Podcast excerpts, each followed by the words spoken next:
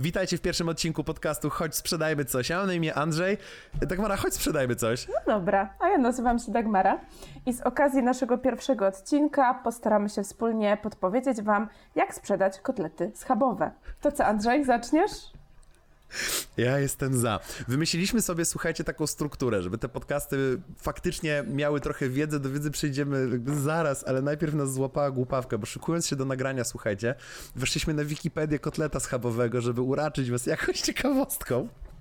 Więc słuchajcie, żeby wiedzieć o jakim produkcie rozmawiamy, bo pomysł na podcast jest taki, że będziemy wam mówić, jak sprzedać jakiś produkt, albo przynajmniej próbować. I stabiliza- stabilizując pojęcie, jak to się mówi w psychologii. Kotlet schabowy jest to kotlet panierowany ze schabu z kością lub bez. Przypominający sznycel wiedeński, jest to jedna z tradycyjnych i najbardziej popularnych potraw w kuchni polskiej.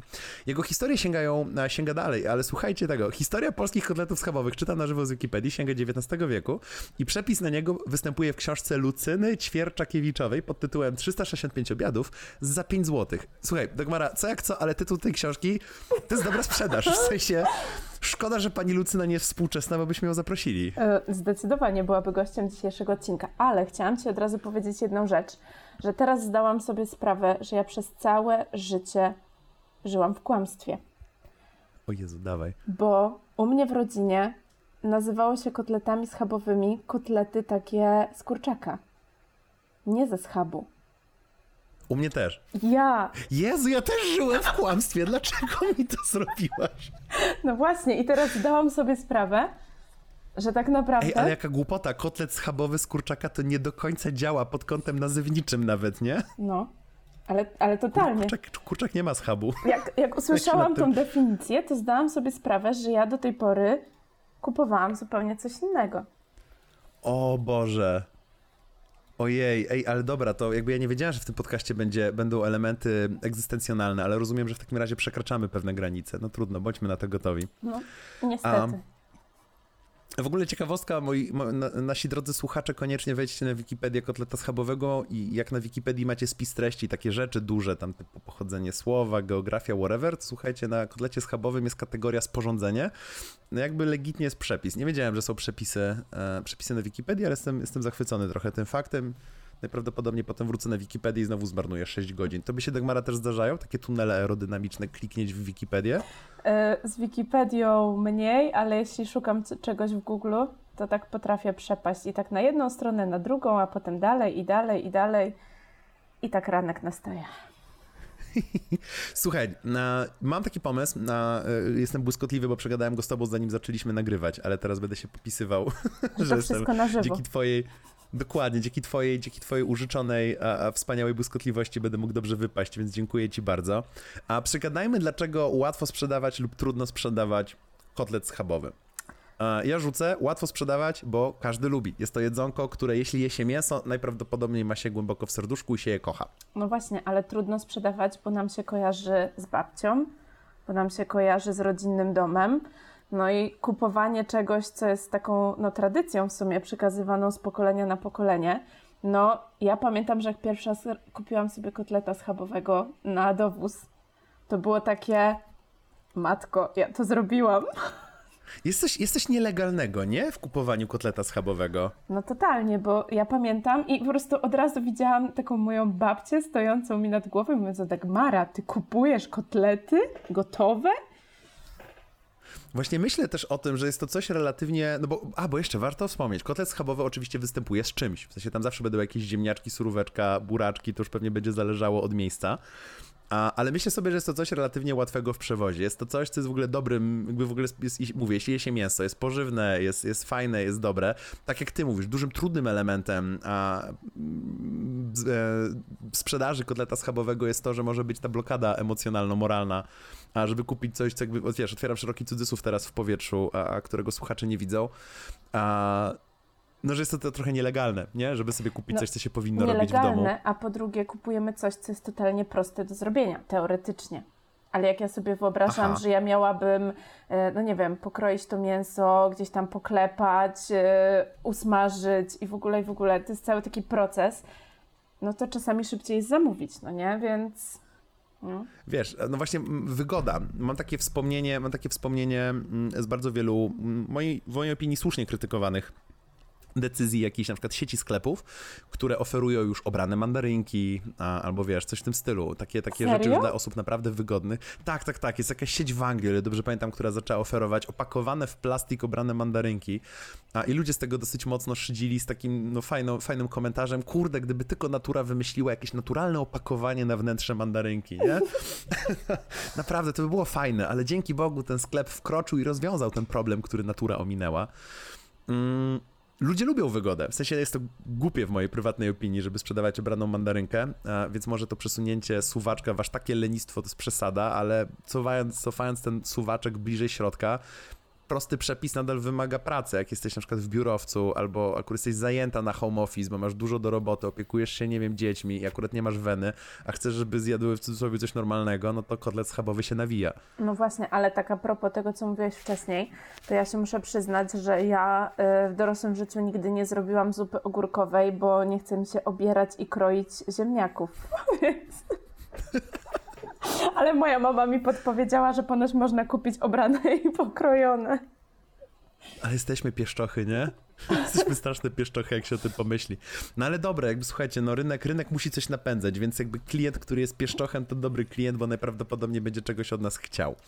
A łatwo sprzedać kotlet schabowy również dlatego, że nie trzeba go tłumaczyć lub reklamować. Jeśli byśmy, jeśli oferujemy jakąś dosyć niszową kuchnię, a no to plusem niszowej kuchni jest to, że jest intrygująca w komunikacji, tak sobie myślę. Minusem niszowej kuchni, jeśli ktoś nie wie, że lubi kuchnię koreańską, może się jej na przykład bać.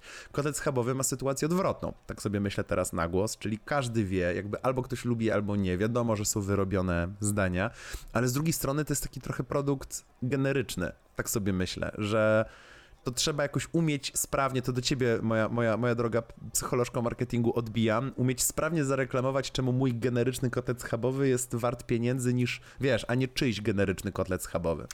No tak, no o tym będziemy rozmawiać też w dalszej części, czyli już na konkretnym przykładzie, jak się przebić przez konkurencję, ale teraz tak sobie myślę, że tak naprawdę to e, sprzedaż kotleta schabowego jest też trudna, bo my nie sprzedajemy czasem samego kotleta, czyli my nie musimy ludzi przekonywać do kotleta, nie? W sensie jak oni lubią tego kotleta, to oni go kupią.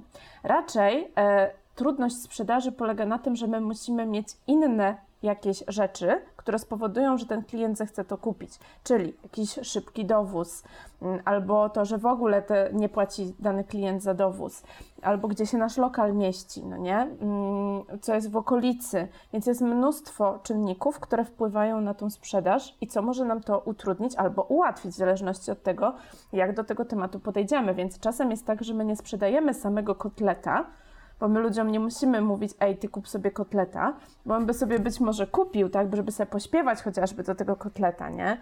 Albo przypomnieć dzieciństwo, tylko czasem problem leży zupełnie gdzie indziej. To fakt. Um, myślę teraz, po, po- powiedziałaś i od razu mi, moja, za- zakiełkowało mi w głowie, bo powiedziałaś, um, że coś więcej niż kotlet. Myślę sobie, że to byłby intrygujący tytuł książki popularno-naukowej. Coś więcej niż kotlet. I wszyscy tak, co? Um, I w kontekście czegoś więcej niż kotlet myślę sobie, że to jest też... Um, Zakładając, że go łatwo sprzedać, a bardzo dobrym pomysłem to tak w sumie dorzucam jako dygresję dla słuchaczy. W przypadku produktu takiego, który jest pewnego względu haczykiem, w sensie ktoś może wiedzieć, że my słyniemy z bardzo dobrej, tej bardzo klasycznej polskiej potrawy, a dobrym pomysłem byłoby zaplanowanie dobrego upsellingu a, i cross-sellingu a, tego naszego kotleta schabowego. Czyli na tym kotlecie schabowym po pierwsze możemy, a, wydaje mi się, że w dobrym tonie było oferować, byłoby oferować go od razu z jakimś zestawem dodatków, bo to tak jakby, jakby do właśnie, ciebie przyjechało... ale ziemniaczki? op- opaku- Czy frytki?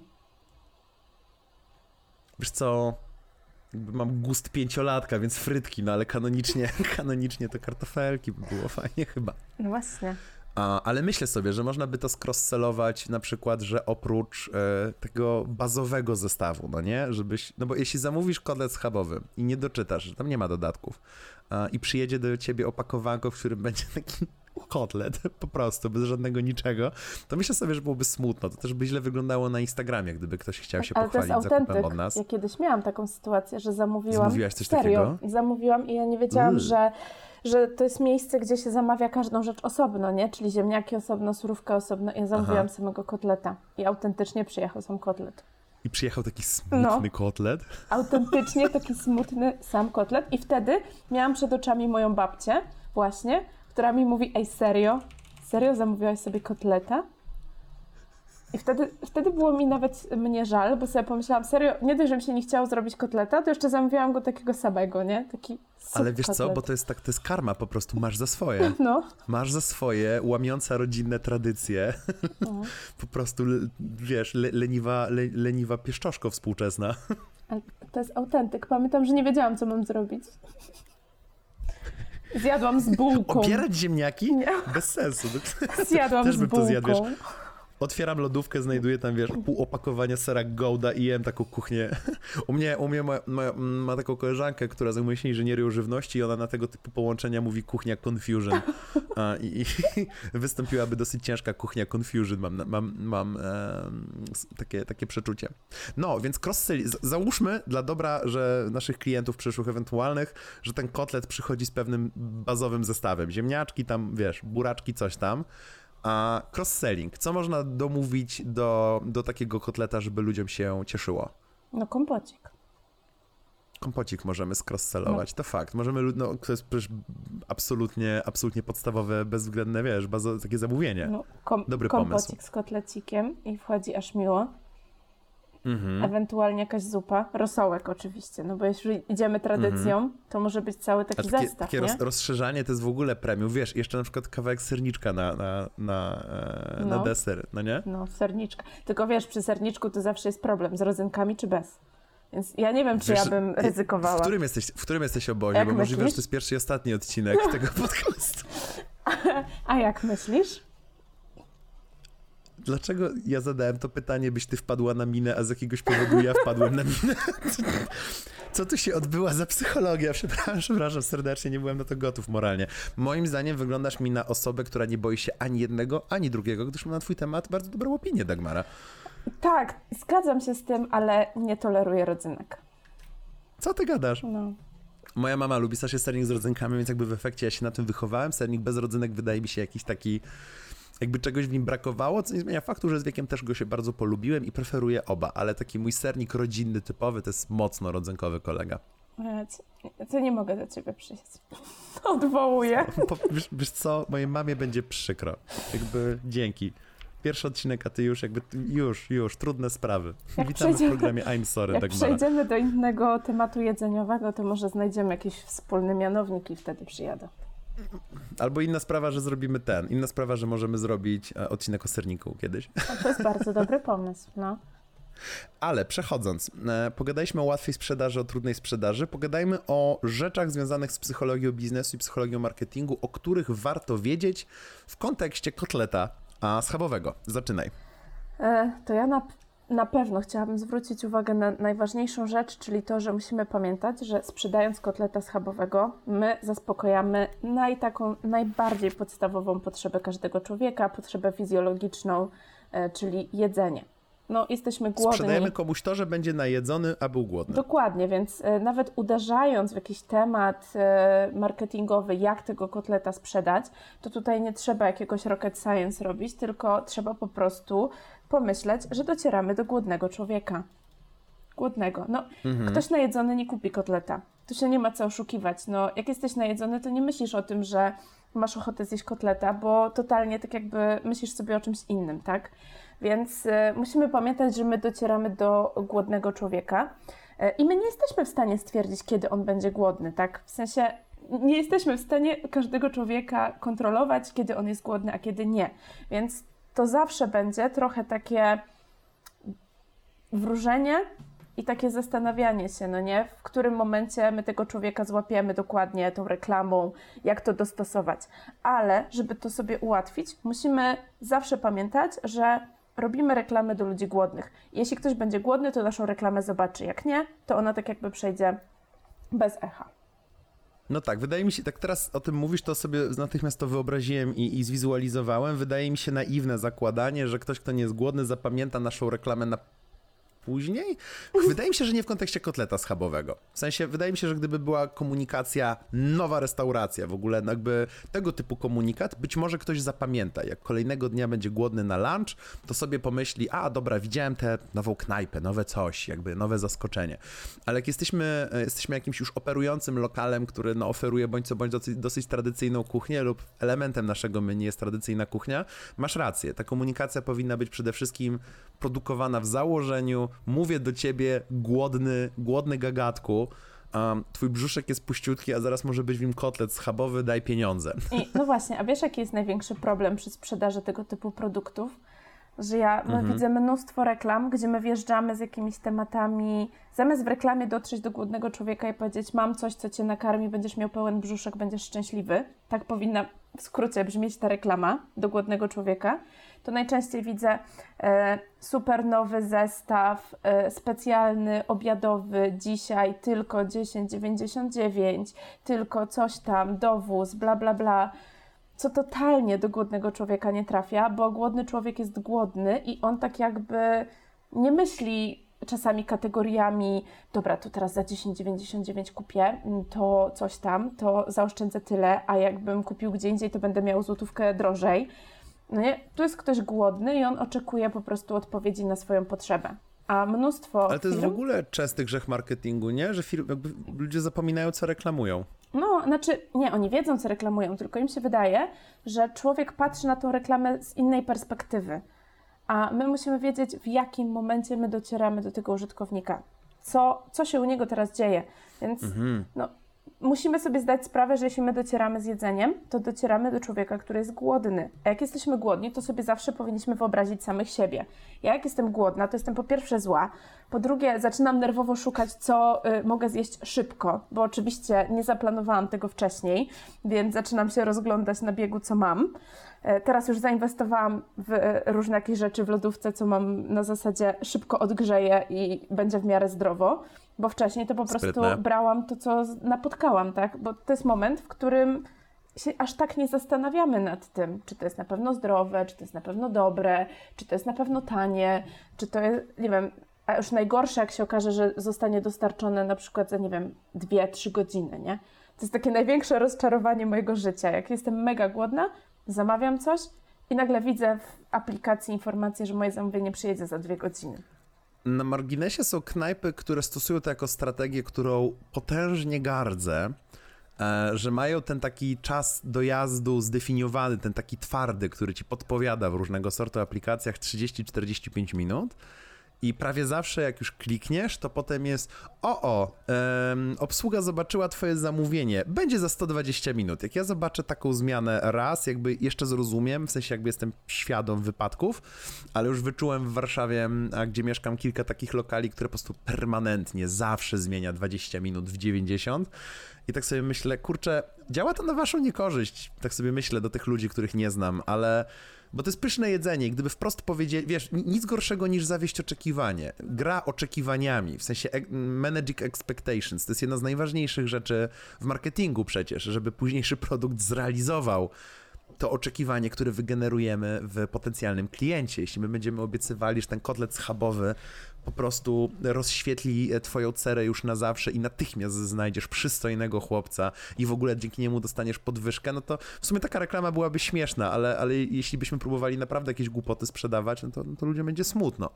A więc myślę sobie, że granie w grę, w której zawsze zawiedziesz oczekiwania, to granie w dosyć głupią grę. Tak, i często jest też tak, że my próbujemy być lepsi niż jesteśmy, nie? Czyli takie udawanie, że o, dobra, dostarczymy Ci w 20 minut, reklamujemy się na to, po czym e, faktycznie, ja też mam takie restauracje u siebie, na tej mojej wsi, że, że zawsze jest tak, że piszą, że na przykład jest dostarczenie w te 20-30 minut i zawsze to jest minimum półtorej godziny, nie?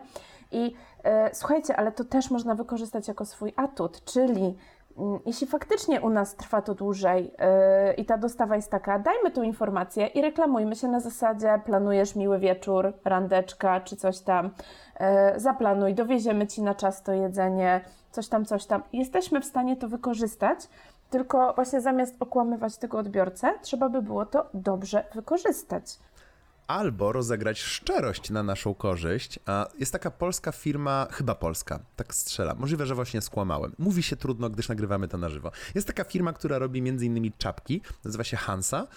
I ta firma kiedyś miała komunikację, którą tak cytuję z pamięci. Nasze czapki są drogie, ale bardzo dobre i wygodne. I ja tak zobaczyłem tę komunikację i stwierdziłem, Ej, kocham to. W sensie jakby uwielbiam tego typu rzeczy. I gdybym był knajpą, która dowozi kotlety schabowe w 90 minut, w aplikacji, w której łoi nas konkurencja dowożąca, wiesz, kebaby w 20, myślę sobie, żebym zrobił komunikację, na nasz obiad trochę poczekasz, ale robimy go, w sensie to będzie domowy obiad, w sensie warto poczekać na pyszną jakość, Dokładnie. zobaczysz. I takie, I takie wykorzystanie na przykład zdjęcia babci, które gotuje, nie? I będzie, będzie jak u babci. I wtedy jesteś w stanie Szanuję poczekać. Wydaje mi się, że niechcący przechodzimy do kolejnego segmentu, a, który jest trochę flagowym segmentem tego podcastu i w, będzie obecny w każdym odcinku, czyli robimy burzę mózgów. A wymyślimy teraz a, razem z Dagmarą realne, fikcyjne a, miejsce na marginesie. Zapowiedź Um, Dagmara, powiedz naszym czytelnikom, na co mogą liczyć, jak się do nas odezwą na mail, który zaraz udostępnimy. Tak, doszliśmy do wniosku, że chcemy w naszym podcaście mm, na żywo pomagać Wam wymyślać jakieś strategie sprzedażowe, żebyście zobaczyli, czy to naprawdę jest takie trudne yy, i żebyście mogli z tego maks wyciągnąć dla siebie. Więc dzisiaj wymyślamy coś totalnie fikcyjnego. Yy, fikcyjną firmę, fikcyjnego człowieka, fikcyjną dostawę i o tym będziemy sobie rozmawiać, ale możecie się do nas zgłaszać z Waszym totalnym jakimś tam przykładem yy, i my dla Was rozpracujemy, co możemy sprzedać. Dokładnie tak. Nie boimy się żadnej kategorii. Jeśli sprzedajecie e-booki, piszcie do nas. Jeśli sprzedajecie kieliszki, sprzedajcie do, piszcie do nas. Jeśli dowozicie e, ludziom, na przykład skacowanym e, słodycze rano z dowozem, jeśli sprzedajecie betoniarki, piszcie do nas. Chętnie się z czymś takim zmierzymy. Im dziwniejsze, Nasz mail nazywa tym się... jeszcze lepiej. Tak, tak, tak, tak. Taki jest generalnie pomysł, bo a, nie, nie, od dziś pracujemy w tej branży z Dagmarą. Ja, ja jestem od, od ponad 10 lat, pracuję w psychologii biznesu, w komunikacji, w robieniu internetów. A Dagmara to samo, a również 10 lat robienia skutecznej i komunikacji, i sprzedażowej, i wizerunkowej. A Jezu, ty jakieś certyfikaty w ogóle masz, jakieś neuromarketing, o, tak, jakieś tak, cudawianki, pianki. To czy to się teraz liczy? Teraz sprzedajemy Zawieruszyłem kotlet. się. Tak, teraz właśnie, ale o co chodzi? I postanowiliśmy, że, że to nasze gdzieś tam doświadczenie i wiedzę spróbujemy właśnie specjalnie prezentować w takich trochę dzikich case'ach, bo zasady są uniwersalne. Zasady dobrego marketingu, dobrej sprzedaży, dobrego biznesu są relatywnie uniwersalne, przy czym trzeba je bardzo umieć dobrać, które, kiedy, jak do konkretnej kategorii produktu, więc chcemy tych kategorii omawiać dla Was dużo. Kochani, piszcie do nas na maila bez polskich znaków, choć małpa sprzedajmy coś.pl a najciekawsze, najciekawsze rzeczy będziemy, będziemy wybierać i omawiać. Ale przechodzimy do segmentu burza mózgów, czyli no właśnie w tym pierwszym e, powitalnym odcinku wymyślimy fikcyjne bistro sprzedające kotlety schabowe i opykamy mu na szybko strategię sprzedaży, która miałaby spore szanse zadziałać. No a gdzie jest to bistro? Dagmara, popowiadaj mi chwilę. Ja myślę, że w Zielonej Górze. Bistro w Zielonej Górze. Tak, zróbmy bistro w Zielonej Górze. E, pan Zenek ma bistro. Pan Zenek i bistro w Zielonej Górze. Otwieram sobie Zielona Góra, żeby zobaczyć i, i mapkę i Wikipedię, żeby mieć pogląd na to, żebym wiedział pretty much co mówię. I tak nie będę wiedział, ale jeszcze to musisz przyjechać. nie uświadamiaj mi. Nie budź, nie budź, nie budź, nie budź dziecka ze snu. Dobra, jest bistro. I czy to bistro ma numer telefonu tylko i wyłącznie i reklamuje się przy pomocy jakichś lokalnych ulotek? Można tam wpaść, korzysta z aplikacji typu, typu Uber, jakiś Volt i tak dalej. Wydaje mi się, czy w Zielonej Górze mm, są rozpowszechnione tego typu aplikacje? Jak myślisz? E, ja nie muszę myśleć, bo ja tu mieszkam. Słuchaj. E, jest, e, mamy takie aplikacje i to od niedawna, więc uznajmy, mhm. że e, pan Zenek jest o krok przed wprowadzeniem takich aplikacji, czyli się zastanawia, czy warto, czy nie warto. I jeśli warto, to dlaczego, to też możemy podpowiedzieć mu. Mhm. Mm, I myślę, że takim flagowym produktem jest właśnie taki zestaw kotlecik z ziemniaczkami, kompocikiem i zupką jakąś suróweczką. Mhm. I ten plus to jest przede wszystkim to, że będzie jak u mamy, yy, wie, taka standardowa Jak u wujka Zenka. Właśnie, no dokładnie, coś takiego, tak, mam, mam to już przed oczami. No i oczywiście pani kucharka, no to taka, jak w szkole, w takiej szkolnej stołówce, nie? Taka, taka lubiana przez wszystkie dzieci, robiąca najlepsze kotlety na świecie. O. Kumam. Plusy wejścia na apki. Nowy rynek, mm, szerszy rynek. W przypadku niektórych aplikacji flota zewnętrzna dostawców, więc można się tym nie przejmować do pewnego stopnia. A minusy aplikacji, marża, często zabójcza niestety, te aplikacje są wredne. I kolejny minus aplikacji, nie można tylko na nich polegać, bo szczególnie w kotlecie kotleta, e, w kotlecie kotleta, szczególnie w kotlecie kotleta schabowego nie należy w pełni na nich polegać, bo myślę sobie, że jest to relatywnie tradycyjna szama, i młodzi ludzie, którzy przede wszystkim pierwsi sięgają po apki, mogą mieć inne preferencje co do zasady. Dokładnie. Mm, I powiem też z doświadczenia, że z tymi apkami to też różnie bywa, bo też warto się zastanowić, bo z dowozem to jest tak, że chyba jest jakiś osobny dostawca.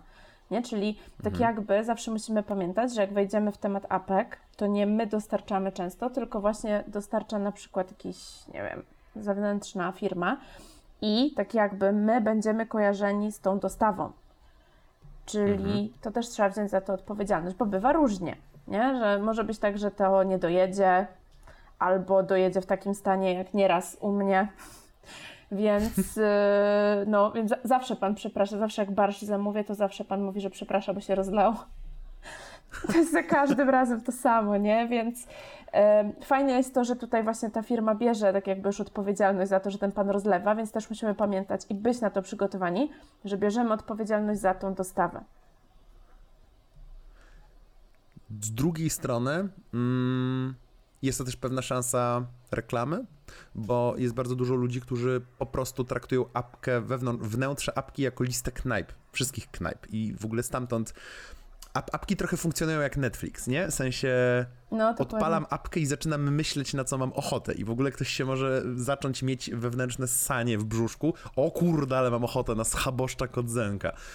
I to może być myśl, która się nie pojawiła. Nie pojawiłaby w sercu i w brzuszku e, takiego klienta, gdyby, gdyby nie mm, właśnie obecność na, na jakiejś takiej aplikacji. Ale jest też niebezpieczeństwo, bo ja zawsze robię tak, że wchodzę na aplikację X, przeglądam sobie, co bym zjadła i im bardziej przeglądam, przeglądam, przeglądam, tym sobie myślę, dobra, idę sobie zjeść cokolwiek, nie? Bo już jestem tak głodna, że, że nie mam czasu czekać, aż mi coś dowiozą. Albo dopóki się zdecyduję, nie wiem, co chcę, to wolę po prostu mhm. zjeść cokolwiek, więc też jest niebezpieczeństwo. Ale tak jak mówisz, to jest też bardzo duży plus tego, że ktoś w ogóle zobaczy nazwę naszej firmy, zobaczy, co my oferujemy i być może nawet nie zamówi teraz u nas, ale będzie gdzieś miał z tyłu głowy, że jest taka firma, nie? Więc to jest też bardzo mhm. duży plus. No dobra, ale mamy apki, ale pogadajmy też o takim konkretnym case'ie, co taki pan Zenek powinien zrobić, żeby w ogóle e, ma sobie to swoje bistro i chce mm, no, gdzieś tam się pojawić w świadomości mieszkańców danego miasta, mojej kochanej Zielonej Góry. To od czego powinien zacząć, jak myślisz? Opracowujemy też pomysł, żeby ludzie przychodzili do niego, bo się skupiliśmy mocno na dowozie. No, ja myślę, że zdecydowanie. A czy chcemy też pogadać o sprzedaży, że tak powiem, walk-inowej, czyli żeby po prostu ludzie zaglądali? No, zdecydowanie. Okej. Okay. Wydaje, jest, taki, jest takie badanie psychologiczne, które strasznie, mm, e, strasznie lubię, którego, ponieważ jakby lecimy totalnie na żywo, nie pamiętam nazwy, ale relatywnie łatwo je znaleźć. W każdym razie szukano, co będzie najbardziej skuteczną formą namówienia studentów, żeby skorzystali, już nie pamiętam, czy z, darmowe, z zapisania się na darmowe szczepienie na coś dosyć upierdliwego kilkadziesiąt lat temu, czy, czy w ogóle ze skorzystania z czegoś darmowego, z jakiejś darmowej pomocy. I testowano prawie na pewno trzy rodzaje ulotek, być może tych ulotek było więcej, trzy pamiętam. jedna z nich po prostu mówiła: zgłoście się, dostaniecie coś, no i ona tam miała pewną efektywność, bo jak ludzie się zgłaszali z tą ulotką, no to w ten sposób badano efektywność ulotki. Bardzo prosty pomysł na eksperyment. A na marginesie, jeśli, my nie ma, jeśli na przykład kuszą nas dwie ulotki, które chcemy przetestować, która lepiej chodzi, dajmy dwie, jakby wydrukujmy dwie ulotki różniące się e, między innymi hasłem kodu promocyjnego i po prostu potem patrzmy, z którymi ulotkami więcej ludzi się, z którym hasłem promocyjnym więcej ludzi do nas przychodzi. Właśnie zrobiliśmy darmowe badania rynkowe, kochani. A, ale to tak na marginesie. Do czego zmierzałem z tym badaniem? Kiedy wymieniono plusy, jakie są zalety tego czegoś, co można dostać na tej ulotce, no to wiadomo, że ciut więcej ludzi przyszło, żeby się zgłosić po to coś. Tam gdzieś na terenie kampusu był gabinet, nie? Do którego trzeba było zapukać z ulotką. Trzecia ulotka była bardzo prosta, ale zawierała mapę, jak dojść do tego cholernego miejsca. I ta ulotka miała absurdalnie najwyższą skuteczność. Więc myślę sobie, że warto pamiętać, że nieważne, czy jesteśmy super znanym lokalem, czy nikomu nieznanym lokalem, czy jesteśmy przy głównej ulicy, czy jesteśmy nieważne gdzie, dobra mapka, jeśli chcemy w ogóle jakkolwiek, żeby do nas ktoś przyszedł a, z naszej reklamy, z naszej komunikacji, dobra mapka, takie zadbanie o takie absolutne podstawy to jest kluczowa. Bez tego możemy napisać adres, ale jakby to nie pomaga. W sensie bardzo dużą, bardzo duża ulica, na przykład nie, znajdę krótszą ulicę. Znaną krótką ulicą w Warszawie jest ulica Złota, ale jak ktoś mi mówi, że coś jest, nie wiem, na Złotej 5, no to no muszę wyciągnąć Google Mapsa. Jakby nie wiem, gdzie jest 5, nie wiem, gdzie jest 30, nie wiem, ile w ogóle numerów ma ta ulica. Ale jak będzie mapka, jestem tam, bardzo szybko. To jest ten plus, bo jak ja na przykład mówię mojemu mężowi, że coś jest na ulicy tam, nie wiem, Chopina, to on do mnie mówi, on w ogóle pochodzi z tego miasta, nie? Czyli ja tutaj jestem mhm. przyjezdna, on tu się wychował 30 lat i on do mnie mówi, Ups. co? Jakie Chopina w ogóle? Obok czego? Nie? Więc słuchajcie, to mhm. często jest też tak, że właśnie powiedzieć konkretnie, mapka to jest jedno, ale drugie właśnie jeszcze zaznaczyć jakieś takie punkty, no takie istotne, nie? Gdzieś, gdzie jesteśmy w stanie trafić, bo też łatwiej nam jest sobie to zwizualizować. Ale jak zaczęłaś o tych ulotkach mówić, to mi się od razu przypomniało yy, moja ulubiona bajka, nie wiem, czy ją widziałeś, Sing. E, Jeszcze nie, no bardzo to musisz to, musisz to obejrzeć i jest tam taki moment, kiedy taka starsza asystentka ma porozdawać ulotki i idzie z takim stosem ulotek i nagle się potyka i te wszystkie ulotki y, wlatują przez okno, bo stał wentylator. I tak wiesz, ja zawsze się śmieję, jak mam jakieś szkolenia czy coś, to jak ludzie mają takie podejście do marketingu w stylu, ja nie wiem, co ja mam zrobić, jak mam dotrzeć do tych klientów i w ogóle, to ja mówię, no dobra, stań sobie przed oknem, włącz sobie wentylator i sobie po prostu rozwiej te ulotki, no. Więc... Doskonała strategia sprzedażowa, kiedy nie wiesz do końca, co chcesz zrobić. Bardzo skuteczna. Tak, trochę zdanie się na los w ogóle iść w ulotki? Jak sądzisz? Ja myślę, że ulotki są e, bardzo już takie niedoceniane teraz, bo nam się wydaje, że a, to już nie trzeba. Faktycznie jest dużo branż, gdzie to jest bez sensu, że w tym internecie jesteśmy w stanie szybciej gdzieś tam do kogoś dotrzeć, ale ja myślę, że te ulotki też powodują, to mogę od razu powiedzieć też z psychologii, e, taki namacalny dowód czegoś, że coś mamy w ręku, czytaliśmy to, jesteśmy w stanie sobie później skojarzyć. E, naprawdę mm, ogólnie przy zapamiętywaniu jest tak, że musimy gdzieś tam w pamięci odnotować dany moment, żeby to nam zostało na dłużej. Więc te ulotki mhm. mają główne zadanie tego, że jak my faktycznie trzymamy fizycznie ulotkę w ręce, czytamy, widzimy ją, zapamiętujemy kolor, kształt, miejsce, w którym się znajdowaliśmy, kiedy ją dostaliśmy, to to nam w pamięci zostaje na dłużej. I nawet jeśli my nie skorzystamy z tych usług, to to nam w tej głowie zostaje. Ulotka jest też, um, jeśli się przebijemy, ulotkę może ktoś przyczepić magnesem do lodówki i staniemy się powtarzalnym wyborem.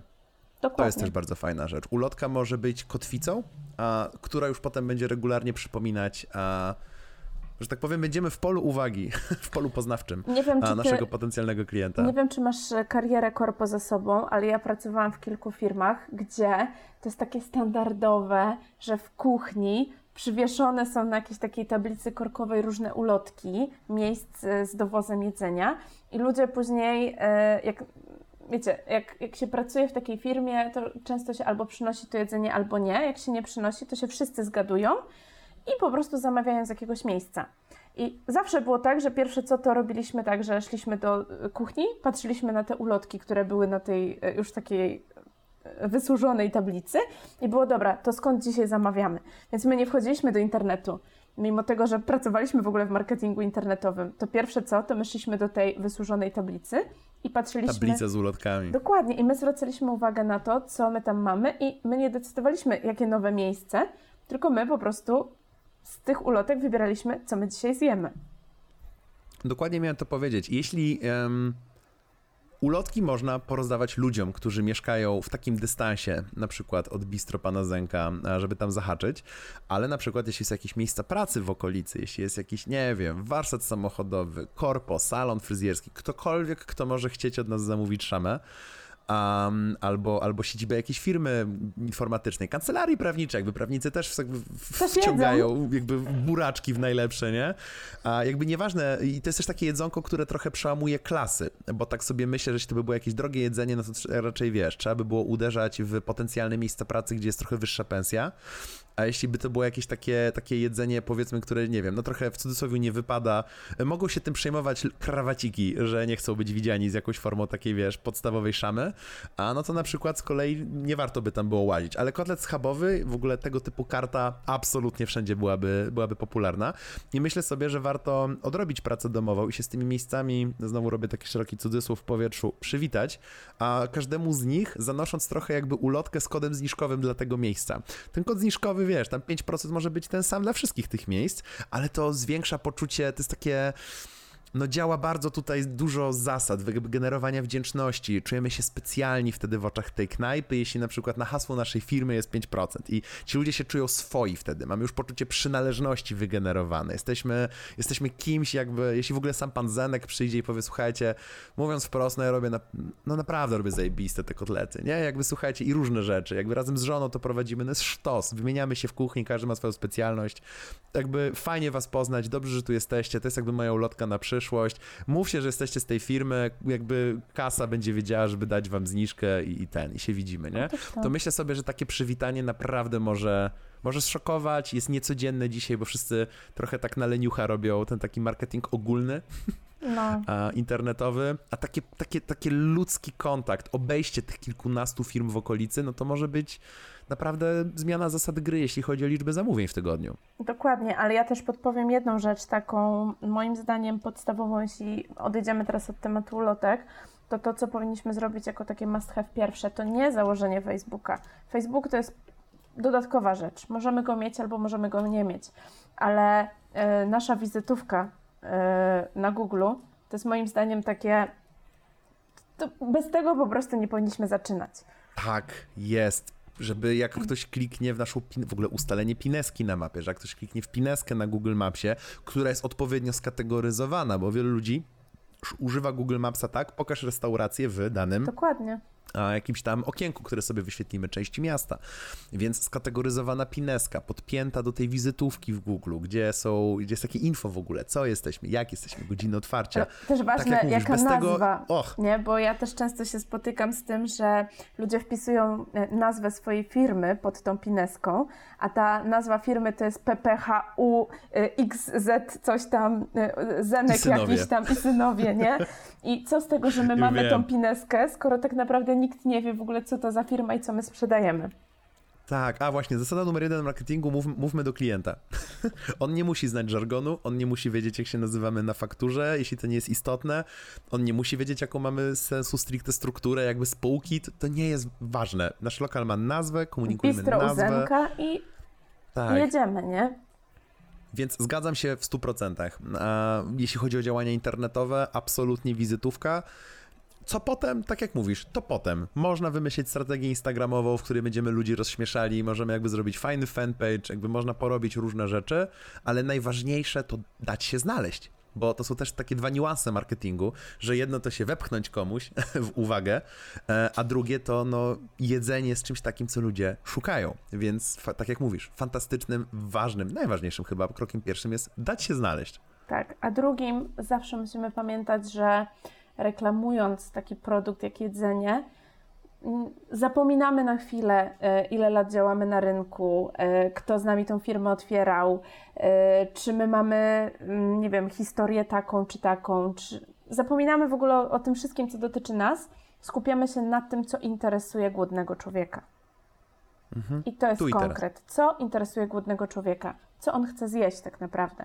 Więc cała komunikacja i wszystko to, co robimy wokół tego, E, to okay, możemy sobie gdzieś tam długoterminowo myśleć w gazecie, gdzieś tam robić super wywiady o tym, jak prowadzimy biznes i w ogóle dostaliśmy tam, nie wiem, złoty garnek za najlepszą kuchnię roku, ale to powinno iść jako działania takie PR-owe, a nie reklamowe tu i teraz, bo głodny człowiek Mm, że tak powiem, jest e, obojętny na to, czy my dostaliśmy złoty garnek, czy go nie dostaliśmy, czy e, babcia nam pomogła e, i dołożyła grosz do rozpoczęcia działalności, a naprawdę ja widzę mnóstwo takiego zmarnowanego potencjału. Absolutnie się zgadzam to są rzeczy, które ktoś może się dowiedzieć na przykład z innego designu ulotki już dorzucanego do zamówienia. To może się ktoś dowiedzieć już obserwując nasz fanpage, to się może dowiedzieć ktoś już obserwując naszego Instagrama lub jak wejdzie do nas, to zobaczy naklejki na drzwiach i dyplomy na ścianach. To, to jest ten taki moment, że możemy zacząć budować dłużej te relacje z klientem, przedstawić się, opowiedzieć coś o nas, ale ten taki pierwszy punkt styku, to takie pierwsze, ej, zjedz coś, nie? Lunch, głodne, brzuszek, kotlet, zenek, hyc.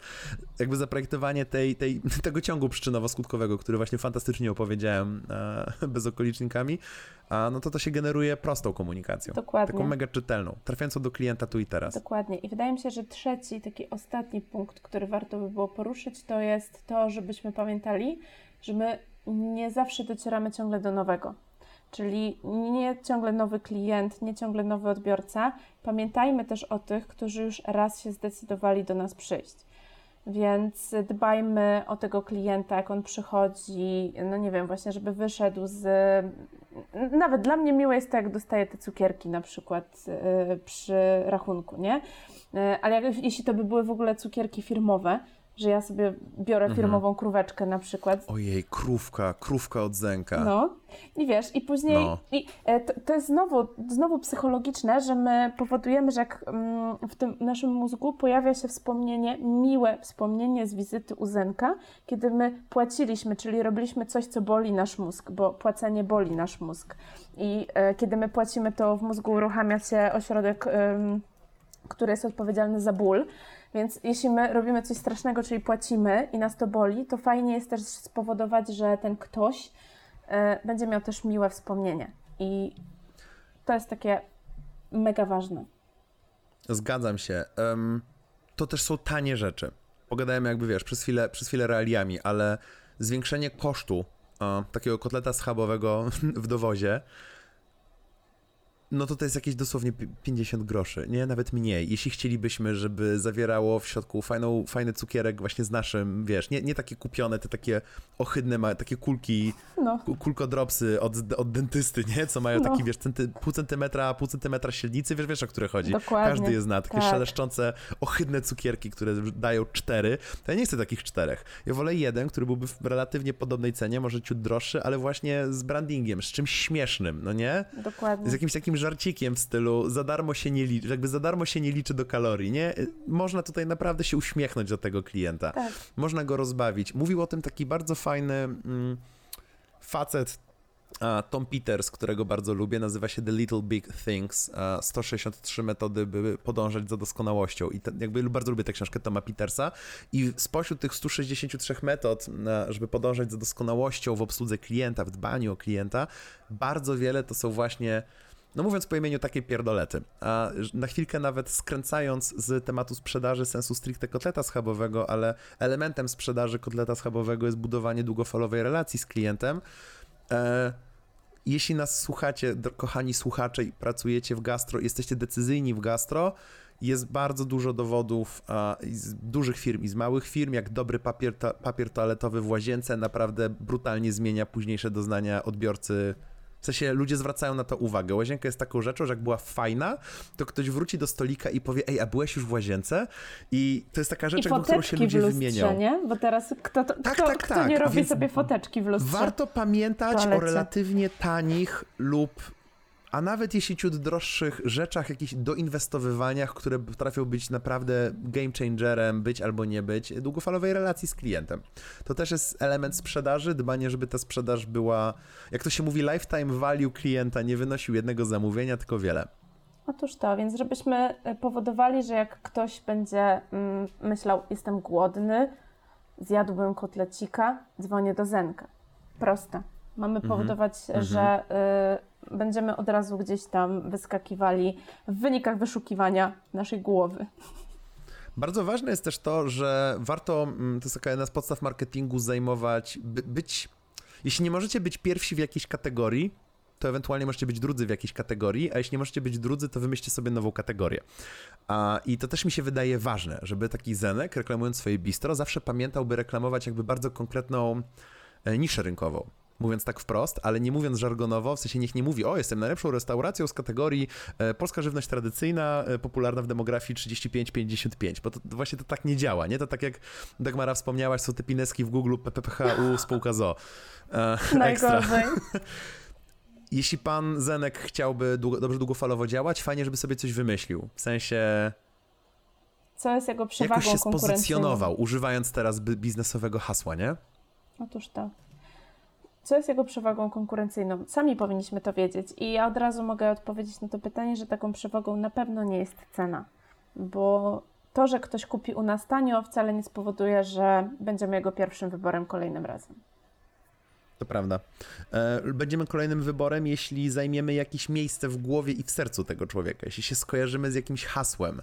Um, pozycjonować się można na różne sposoby. To tak, to pewnie w innym odcinku opowiemy o tym szerzej. Ten odcinek jest jeszcze dłuższy niż planowaliśmy, więc ja już też nie będę dodawał kolejnych a, niuansów, ale można na przykład, pomijając to, że będziemy znani jako fajna kuchnia domowa, w sensie jakby jesteś daleko od domu, to być może w dużym mieście typu Warszawa, Wrocław by działało. Jakby dawno nie byłeś w domu, jakby posmakuj chociaż tego smaku. W e, Zielonej Górze, gdzie tak sobie myślę jest, jest trochę mniej słoików niż w takich miastach, niż w takich miastach mocno przyjezdnych, a z wielkimi kampusami, jakimiś tam inwestycjami gigantycznymi, korporacyjnymi, które ściągają na potęgę w ogóle do Polski ludzi.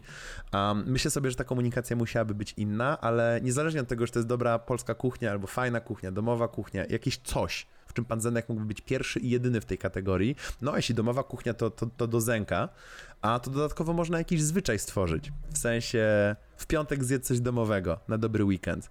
I to też może być element sprzedażowy. Stworzenie takiego nawyku, tradycji, święta trochę żartobliwie mówiąc, a u ludzi, którzy nas kojarzą. Otóż też się z tym zgadzam i też takie cały czas powinniśmy y, być w świadomości tego klienta pod kątem takim pozytywnym, tak? Czyli nawet jak jest coś nie tak, nawet jak zawaliliśmy z jakąś dostawą, czegoś nie ma, musimy zaproponować, nie wiem, nie mamy y, do kotlecika buraczków, tylko mamy y, mizerię, no to żebyśmy też umieli wykorzystać to jako atut, a nie od razu podchodzili, bo jest mnóstwo firm, E, z branży gastro, gdzie jak e, coś zawala, ja tak miałam na przykład, że coś zawalają, to oni po prostu już matko, koniec świata, dobra, ja nie wiem, przepraszam, jak to się stało i tak dalej, i tak dalej. I nawet gdybym ja do tego nie podeszła negatywnie, to reakcja tej drugiej strony powodowała, że ja już miałam takie trochę negatywne odczucia. A jeśli My no też... tak, bo podpowiedziano ci, że to duży problem. Tak. Zasugerowano ci, Dokładnie. że to jest, o kurde, no dobra, no to jest dym. Dokładnie, więc jeśli my też podejdziemy pozytywnie do rozwiązywania problemów, że czegoś nie ma. Ja już nawet mam taką y, jedną restaurację w moim mieście, gdzie to jest standard. Ja na przykład zamówię jakieś picie, e, obecnie dostępne w aplikacji i za 10 minut będę miała telefon i to jest już normalne, że tego nie ma i czy może być coś innego. Ja już, ja już zaczęłam nawet tak trochę śmiesznie do tego podchodzić, bo właśnie oni zawsze dzwonili z taką paniką. Matko, pani Dagmaro, ale nie ma, ja mówię, tak, nie ma tego, tego i tego, tak? A ta pani mówi, no tak. Ja mówię, to proszę dać, co pani ma, no. Ja już zaczęłam ich tak trochę, tak, ja ich zaczęłam tak trochę stopować i oni też już później, jak kolejnym razem dzwonili i kolejnym i kolejnym, to już też mieli inne podejście i ja też pozytywnie na to reagowałam. Więc też warto o tym pamiętać, że jakiś taki niby kryzys nie powinien od razu być przekładany na klienta, nie, że czegoś my nie mamy, nie jesteśmy w stanie czegoś spełnić. Prawie nigdy nie powinien chyba być generalnie przekładany. Problem emocjonalny wewnątrz firmy nie powinien być chyba nigdy przewalany Dokładnie, na więc zawsze powinniśmy mieć też takie podejście, że jesteśmy w stanie coś wymyślić, co tego klienta w jakiś sposób gdzieś tam zadowoli. Ła. Myślę, że to taka piękna puenta. Ja też tak sądzę, w sensie zajarałem się nią trochę. Um, I Podsumowując, uh, słuchajcie, drodzy słuchacze, piszcie do nas, jak już wspomnieliśmy z Nagmarą, na choćmałpa coś.pl, bez polskich znaków, jesteśmy ciekawi waszych pomysłów. Uh, mnie można znaleźć na, na andrzejtucholski.pl, to jest moja strona domowa, blog, znajdziecie tam linki do wszystkiego innego, czym się zajmuję. Dagmara, gdzie ciebie można znaleźć? Mnie można znaleźć przede wszystkim w domu przy biurku, ale gdyby Wam się nie udało dotrzeć, to na kokoszkalasota.pl jest mój blog, który będzie reanimowany i zapraszam na mojego YouTube'a, też Kokoszka Lasota. E, tam dużo wartościowych filmików i więcej się też będzie pojawiać.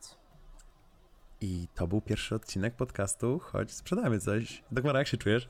Ja jestem zajarana i już czekam na to, co sprzedamy w kolejnym odcinku. Ja też już czekam na to, co sprzedamy w kolejnym odcinku. To słuchajcie, zgodnie z zasadą śpij szybciej, bo poduszka potrzebna, my kończymy to nagranie, żeby jak najszybciej nastąpiło kolejne. Dagmara, dzięki, fantastycznie się z tobą gadało. Bardzo ci dziękuję i chodźmy na kotleta.